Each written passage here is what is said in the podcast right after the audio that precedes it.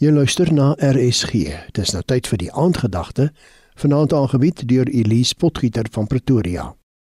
Goeienaand luisteraars.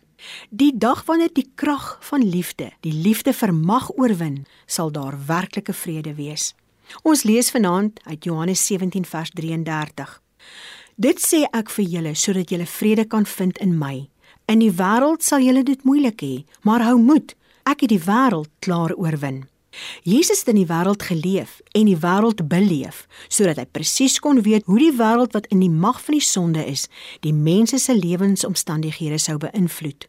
Hy het besef dat die mense, dit sluit die Christene in, sonder die Heilige Gees altyd alternatiewe sou soek om vrede en vreugde te ervaar tydens ons verblyf op aarde. Maar Jesus het vir ons die oplossing.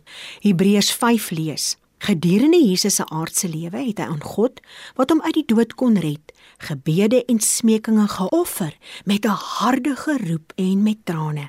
En sy gebede is verhoor vanweë sy eerbiedige onderworpenheid aan God.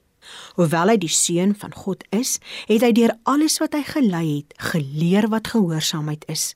Jesus het geleer wat gehoorsaamheid is en hy het sy gebede geoffer met 'n harde geroep en met trane.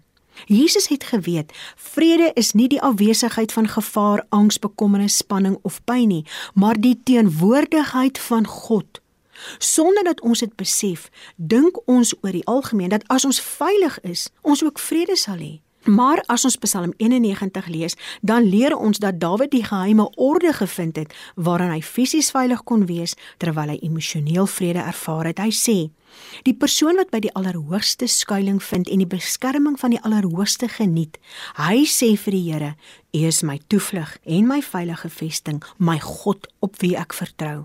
Met dit in gedagte moet ons weet dat God Almagtig is die bron van betroubaarheid. Niemand anders op aarde is betroubaar behalwe God Almagtig nie, want hy is die bron van betroubaarheid. Sou ons God ons Vader goed genoeg ken, sal ons genoeg vertroue hê in sy betroubaarheid en sal ons nie twyfel dat hy ons liefhet en net die beste binne sy wil vir ons in gedagte het nie. Dawid verduidelik verder: Dit is God wat jou uit die voelvanger se wip hou omdat sy betroubaarheid ons aan alle kante beskerm.